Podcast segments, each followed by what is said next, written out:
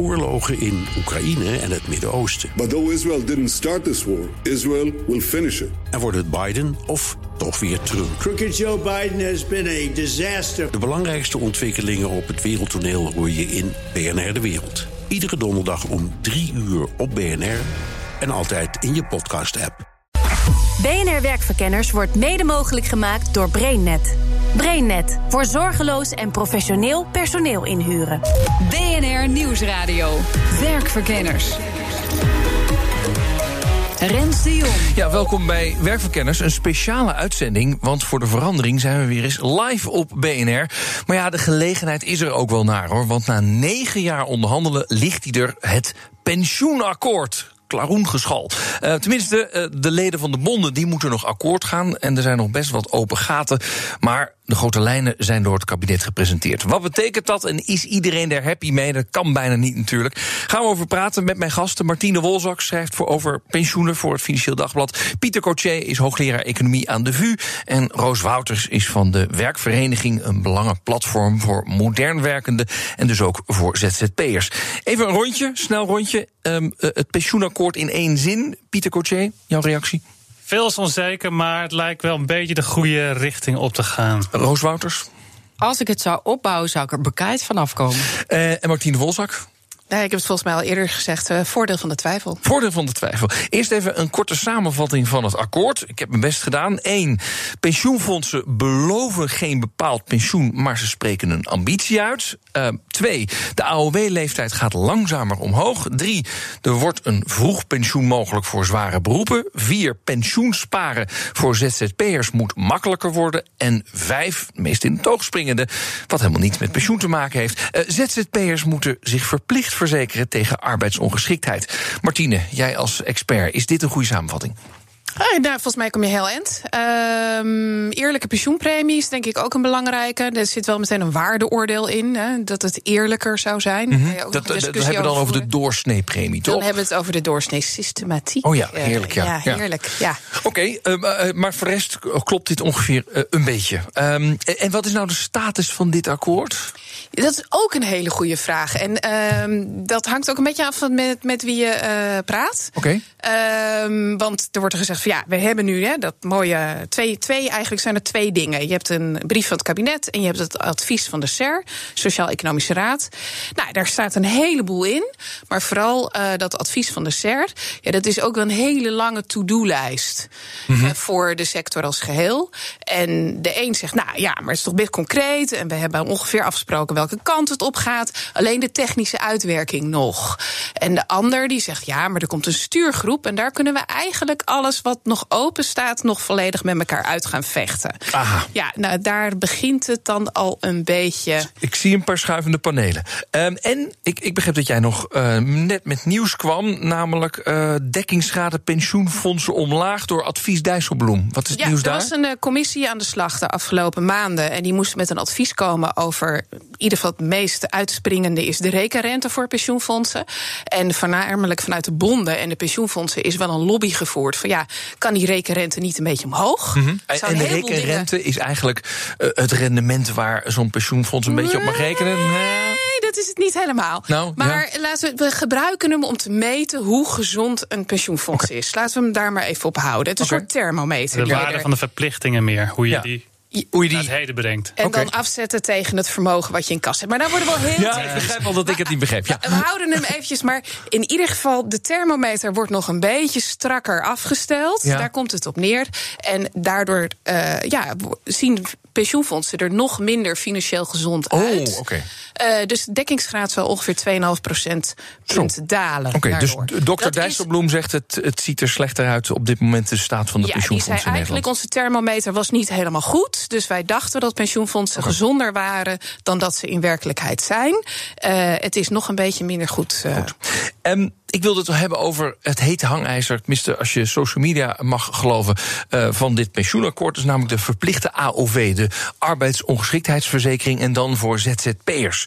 Roos, Roos Wouters, jij bent van de werkvereniging en jij bent ook meteen een petitie gestart tegen deze AOV. Vertel waarom.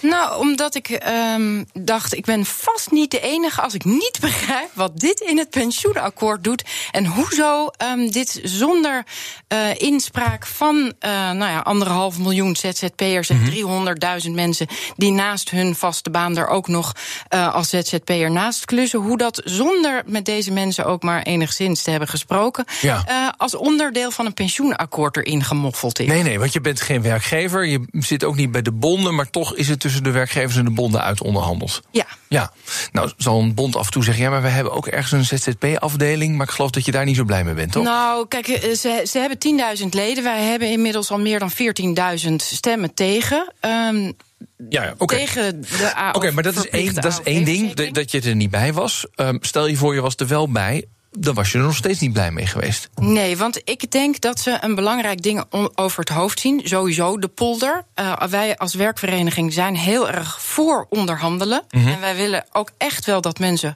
goed verzekerd zijn. En dat ze ook pensioen opbouwen. En maar op andere manieren dan dat er nu gedacht wordt. Want wij vinden dat het te ouderwets gedaan wordt. Dus het, het, we gaan er nog steeds van uit dat je een leven lang bij dezelfde werkgever werkt. Dat je dan in dezelfde branche uh, je pensioen opbouwt. Ja, maar dit gaat over die arbeidsongeschiktheidsverzekering. Waarom ben jij tegen een verplichte arbeidsongeschiktheidsverzekering? Nou, wij vinden dus dat je eigenlijk al die um, verzekeringen of zekerheden aan de werkenden moet koppelen en niet aan de arbeids. Maar een, de een, een arbeidsongeschiktheidsverzekering is toch aan de werkende gekoppeld? Uh, ja, maar dan ga je nu weer andere regels voor ZZP'ers dan voor mensen in dienst. En wij vinden eigenlijk op het moment uh, dat je uh, werkt, moet je van bepaalde uh, zekerheden op aan kunnen, ongeacht of je het ene moment in dienst bent, het volgende moment als ZZP'er, ja. of die dingen combineert. Oké, okay. Pieter Kotje. Wat, wat, nou, in principe ben ik er wel voor als het op ziektekosten aankomt, dat je iedereen hetzelfde behandelt. en ik ben ook voor verplichte verzekering. Um, en de reden is, als je, als je die verzekering niet ziektekosten, verplicht... we hebben allemaal gewoon een verplichte ziektekostenverzekering in Nederland. Het gaat hier om de arbeidsongeschiktheidsverzekering. Ja, oké, okay, dus de arbeids, sorry, de arbeids, ja. maar daar geldt een beetje hetzelfde voor. De, degenen die een hoog risico hebben om arbeidsongeschikt te worden, die zullen zich eerder daarvoor verzekeren. Mhm. Mm -hmm. En daardoor zullen de premies omhoog gaan. En daardoor zullen degenen met een iets lager risico uitreden. Voor hun is het niet meer winstgevend. Daardoor gaan de premies nog verder omhoog. Omdat het gemiddelde risico omhoog gaat. En dan kan die hele markt verdwijnen. Dus bij dit soort verzekeringen de, en eigenlijk is de logica hetzelfde als bij ziektekosten voor arbeidsongeschiktheid. Uh, werkt het alleen als je het verplicht stelt. Dus ik ben altijd heel erg voor markten, maar bij verzekeringen, daar heb je, ja, ja, echt dus de zou overheid nodig om het te verplichten. Oké, dus als je het verplicht gaat, gaan de, duur. kosten, gaan de kosten naar Ja, nu beneden. zijn de kosten ook, ook super hoog voor. ZZP'ers. Dus, dus om de kosten te verlagen. Nou, Roos, jij, jij zegt, ik zou graag willen dat werkende en niet werkende oh, ZZP'ers gelijk worden getrokken. Nou, als je werkend bent, dan heb je al een soort met van, hè, dan, dan kun je de via inkomen, et cetera, et cetera. Dat geldt voor ZZP'ers niet. Nou, hier het voorstel, verplicht het. Dan wordt de pool groter, kosten naar beneden. En heb je die gelijkschakeling waar jij zo naar wenst. Ja, maar verplicht het dan voor alle werkenden dat, het dus, dat je niet steeds hoeft te combineren. Want nu, hoe ga je dat dan uitrekenen op het moment dat ik drie dagen in de week in dienst ben en twee dagen in de week bij klus als ZZP'er? En dan ook nog niet vaste dagen, maar af en toe een paar uur of af en toe een grote klus en dan weer een kleine klus. Hoe wil je dan uh, zorgen dat ik dat ga regelen en hoe willen die verzekeraars dat gaan regelen? Um, daar is nog helemaal niet over gehad. Er wordt heel vaak uh, door mensen met een vast contract onderhandeld over ZZP'ers die Ja. dan denken: we hebben allemaal een maandsalaris. Nou, ik zal jullie vertellen: um, het ene jaar verdien ik zoveel. Um, uh, duizenden en uh, het jaar daarop zoveel duizenden minder.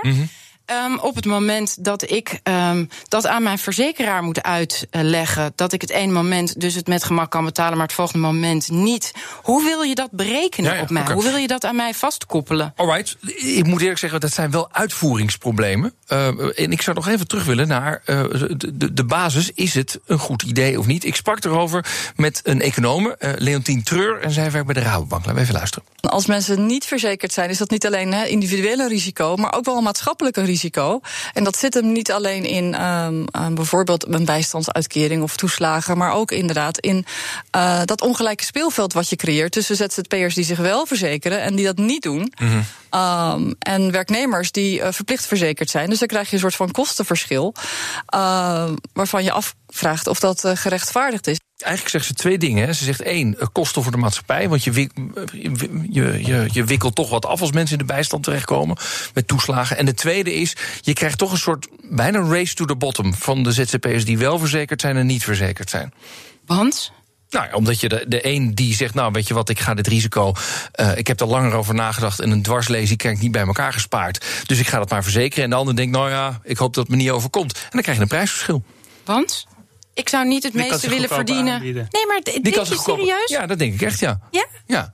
Ik vraag toch gewoon wat ik, het meeste wat ik krijgen kan.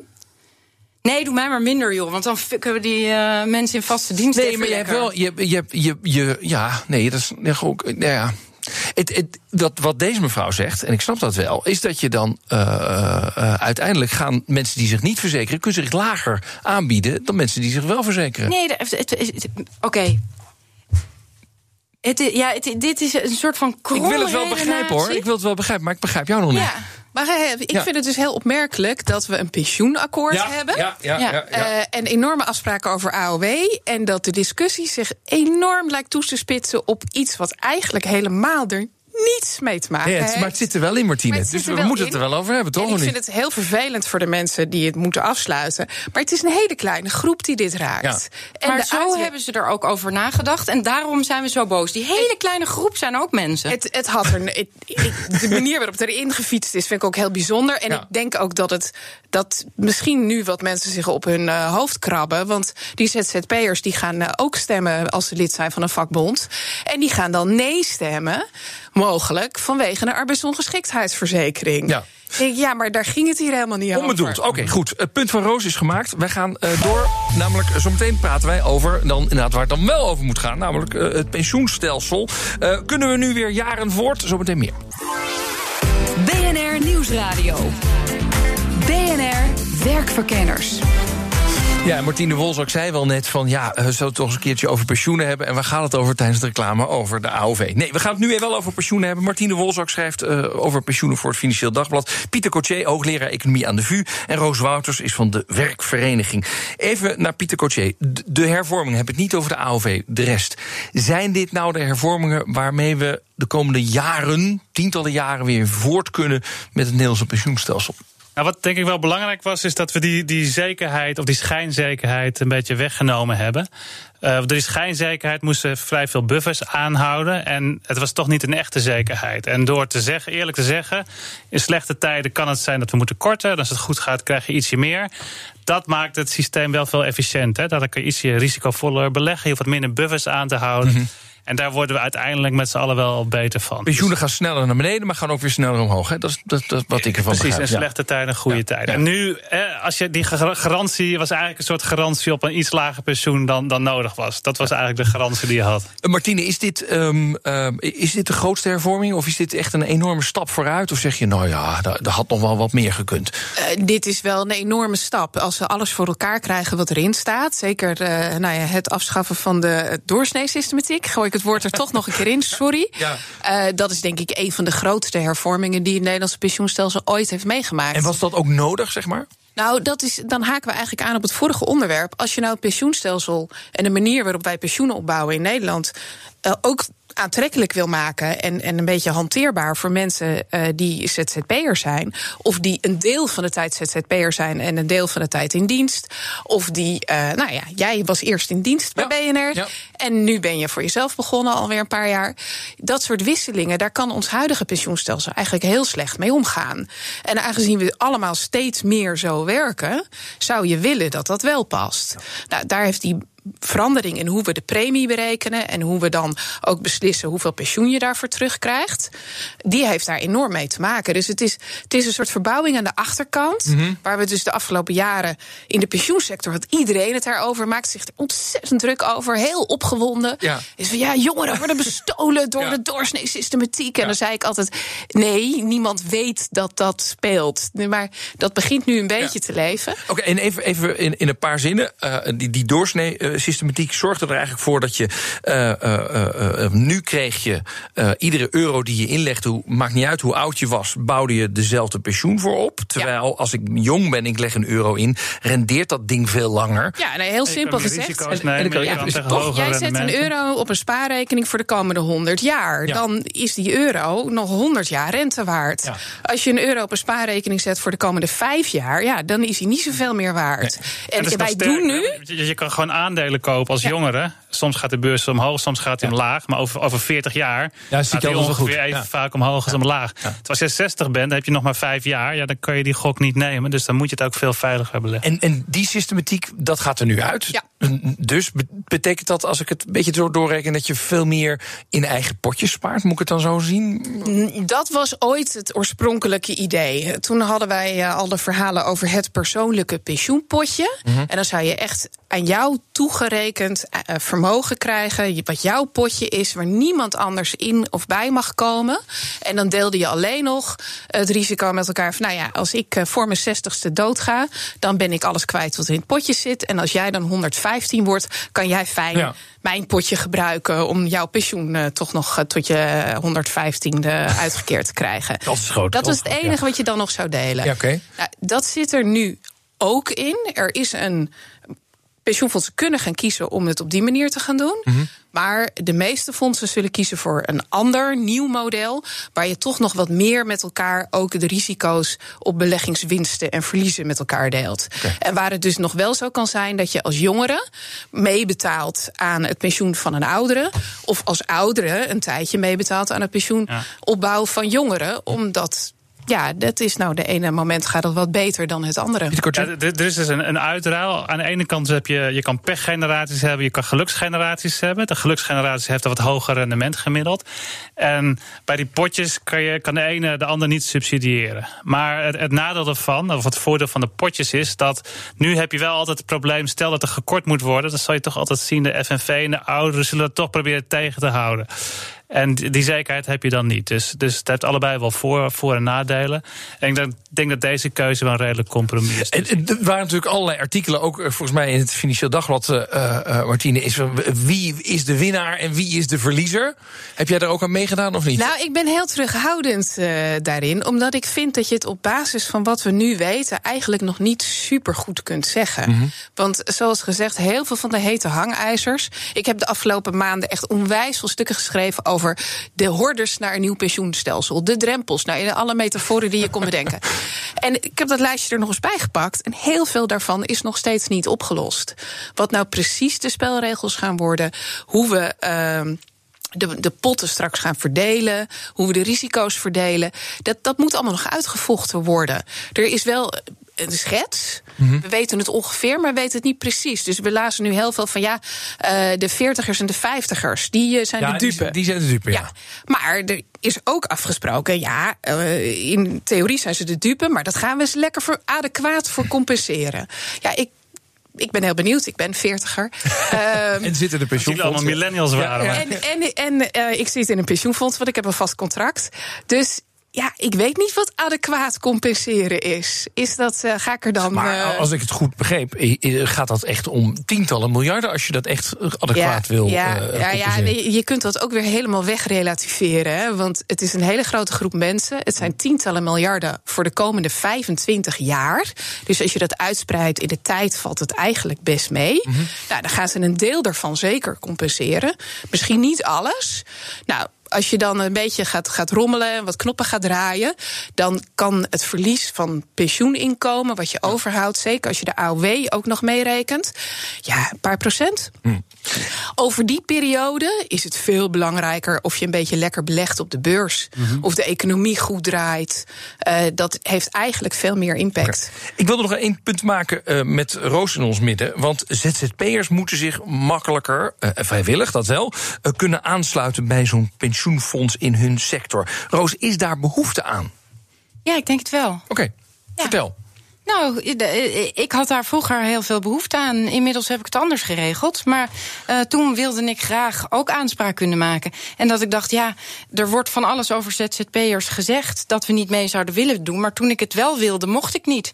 Ja, ja. voelde ik me heel erg buitengesloten. Ja, wat je, nou ja, of je mocht wel meedoen, maar dan moest je dat meteen melden nadat je eh, Ja, daar- ontslag had genomen. Ja, dan dat- mocht je nog even meedoen. Ja. Ja, maar dat werd meestal pas duidelijk. Want dat, als- dat als hangen ze niet aan de grote klok. Dat Nee. je binnen een half jaar kan je aanspraak maken op allerlei dingen die je in vaste dienst waar je recht op had. Die toegang krijg je. Maar dat moet je binnen een half jaar dat je je bij de Kamer van Koophandel hebt aangemeld. Maar en wat dat ik- vertellen ze je er meestal niet bij. Wat mij wel verbaast eigenlijk, dat jij zegt... oh, dat zou ik eigenlijk wel eh, willen. Want ik denk, juist in die pensioenwereld... zijn er de laatste tijd wel wat alternatieven op de markt gekomen... waardoor je helemaal niets meer te maken hebt met bonden of Nou, overheden... die allerlei dingen... ja, vroeger wilde je het wel, maar nu... Nou ja, als ik kijk wat er uit de markt allemaal aan het ontstaan is om deze problemen op te lossen, die helaas vaak door overheid en bonden enorm met de nek aangekeken worden. Maar ik, eh, bijvoorbeeld een broodfonds, een Common Easy, een Share People, die dan een samenwerking heeft afgesloten met Bright Pensioen, die dus met jou meebeweegt. Jij bouwt arbeidsongeschiktheid op, word je niet arbeidsongeschikt, dan gooi je dat in je pensioenpotje. Allemaal oplossingen waarvan ik denk. Waarom kijken ze niet naar de ontzettend innovatieve ZZP'ers? Want die zijn hun eigen Ja. problemen allemaal al lang aan het oplossen. En Martine, is dat, is dat eh, te- terecht? Of nou, laat ik zo zeggen. Denk jij dat er eh, tegenwoordig nog steeds ZZP'ers die zeggen... oh, als de mogelijkheid er is, zou ik graag met mijn sector pensioenfonds willen meedoen? Ik denk dat ze er nog steeds zijn. Alleen al omdat, ja, heel plat gezegd, pensioenfondsen hebben een schaalvoordeel. Ze zijn heel erg groot. Eh, en dat schaalvoordeel dat, dat ontbreekt vaak nog bij de oplossingen in de markt. Ehm Tegelijkertijd denk ik, ja, ik kan me ook wel voorstellen, dat is ook een soort concurrentievervalsing. En er zijn ook wel pensioenfondsen die graag die ZZP'ers erbij willen hebben, omdat ze zien dat in hun eigen sector nou, het aantal ZZP'ers enorm toeneemt. En het aantal jonge werknemers dat zich daardoor aansluit een stuk minder. Terwijl voor de toekomstige gezondheid en het voortbestaan van het pensioenfonds natuurlijk wel heel fijn is als je nieuwe jonge deelnemers krijgt. Dus iedereen heeft hier ook nou, zijn eigen eh belangen. Zo'n pensioenfonds is natuurlijk wel een soort Hotel California, toch? Het is you can check in anytime you want, but you can never leave. Nou, je kan een andere baan zoeken in een andere Ja, sector. maar dat geld krijg je- Eh, krijg je er nee, nooit meer nee, uit, hè? Het, het geld krijg je er pas uit als je met pensioen gaat. In mijn sector zijn er denk ik ook wel mensen die ook graag eh, zelf een pensioenfonds hadden uitgekozen. Ja? Want eh, bij jou draai, want jij zit ambtenaar. Oh ja, en eh, je hoe- ja, de, ja, de buffers zijn niet gigantisch. Nee, nee, nee. nee. Dus als Ehm, de 40 betaald moeten worden uit de buffers, dan kappen ze er bekaard vanaf. Goed. Nou, de voorzitter van ABP die garandeert dat het helemaal goed gaat komen. Die zegt, eh, wij komen eruit. Maar die hebben natuurlijk wel het voordeel dat zij een beroep kunnen doen op de belastingbetaler... Ja. om extra premie te storten in het potje. En dan komt het allemaal goed. Dus Ja. dankzij ons allemaal is jouw Is jouw pensioen, pensioen- wel Dat geregeld. een heel goed idee. Ja, we graag gedaan. Als we werken, we werken er hard voor. We werken er hard voor. Ja. En nog even één punt naar jou, eh, eh, Martine. Want eh, ik zat net teletext te kijken. Die hadden onze collega's van Eén Vandaag erbij gehaald. En die hadden een peiling gedaan onder bijna 6000 leden van vakbonden. Eh 44% van de eh ondervraagd is het eens met het akkoord. 40% is het niet eens met het akkoord. 16% weet het nog niet. Eh, het, is, eh, is het een Brexit-stemming, dus één stem meer en dan gaat het door? Of is het nog een gekwalificeerde meerderheid? Hoe werkt het eigenlijk? Nou, ik weet het eh, alleen he- bij de FNV redelijk goed hoe Ja. dat werkt. En ik denk overigens dat daar ook de kans op een, eh, een stevig verdeelde stemming het grootst is. Maar de FNV, daar beslist uiteindelijk het ledenparlement. Ah, oké. En dat, Dat zijn lijkt op de brexit, toch? Ja, ging ook dat- steeds dat is- terug naar de kiezer Ja, of naar het ja, dus dan heb je de, hè, de, de, de leden, dat is dan het volk, Dat is stemt. de geest van de En leden. dan, ja. en dan heb je vervolgens een parlement. Nou, dat heb je inderdaad bij, in Groot-Brittannië ook. Eh, en dat moet uiteindelijk wat met die uitkomst doen. En dat gaan ze aanstaande zaterdag doen. Ja. Ehm, als er nou een heel duidelijk overtuigd nee of ja uitkomt, dan heeft het ledenparlement het minder moeilijk. Mhm. Zal ook nog steeds best lastig zijn hoor. Eh, maar als het een Brexit-uitslag wordt, 52-48, en de opkomst is bijvoorbeeld ook niet zo groot, ja, dan wordt het nog wel heel spannend, denk ik, wat het ledenparlement gaat zeggen. Oké, goed. Dus eh, wij riepen aan het begin van deze uitzending: hoera, er is een pensioenakkoord. Aan het einde van deze uitzending denk ik: oh, er is nog zoveel onzeker. Er is nog helemaal niets eigenlijk. Oh, helemaal niets. Dat mag je van de mensen in de sector niet zeggen. Hè? Nee? Dan wordt iedereen heel zagrijnig. Er, er, er, ligt, er ligt wel wat. Maar Ja. er zijn ja, er nog heel wat hordes, drempels en dat soort dingen te nemen. Pieter wel- welke drempel is de grootste, denk jij nog? Nou, ik denk die doorsnijdenproblematiek, dat is ook een complex probleem. Mhm. En hoe we dat gaan aanpakken, ja. Goed, en, eh, en, en Roos, eh, die peti- petitie heeft inmiddels al 14.000 ondertekenaars, begrijp ik? 14.000, Ja, ja. dus wat ga je ermee doen? We gaan gewoon door. We gaan hem aanbieden en zeggen: dit, di- fantastisch. Gaan jullie verder met je pensioenakkoord, maar haal dit even eruit. Eh, dat doen wij inmiddels met een alliantie eh, met Seats to Meet, met ONL eh, voor ondernemers, met Share People, met Bright Pensioen. We verzamelen iedereen die voor vernieuwing is Ja. en voor de modern werkende om hier dit onderdeel in elk geval eruit te schrappen. Goed, dankjewel. Roos Wouters was dat van de werkvereniging. Pieter Cordier, hoogleraar economie aan de VU. En Martine Wolzak, die schrijft over in het FD. Dit was een speciale uitzending van Werkverkenners. Graag tot de volgende keer. Kun je niet wachten tot volgende week dinsdag? Check dan onze podcast. Tot de volgende dag. BNR Werkverkenners wordt mede mogelijk gemaakt door BrainNet. BrainNet voor zorgeloos en professioneel personeel inhuren.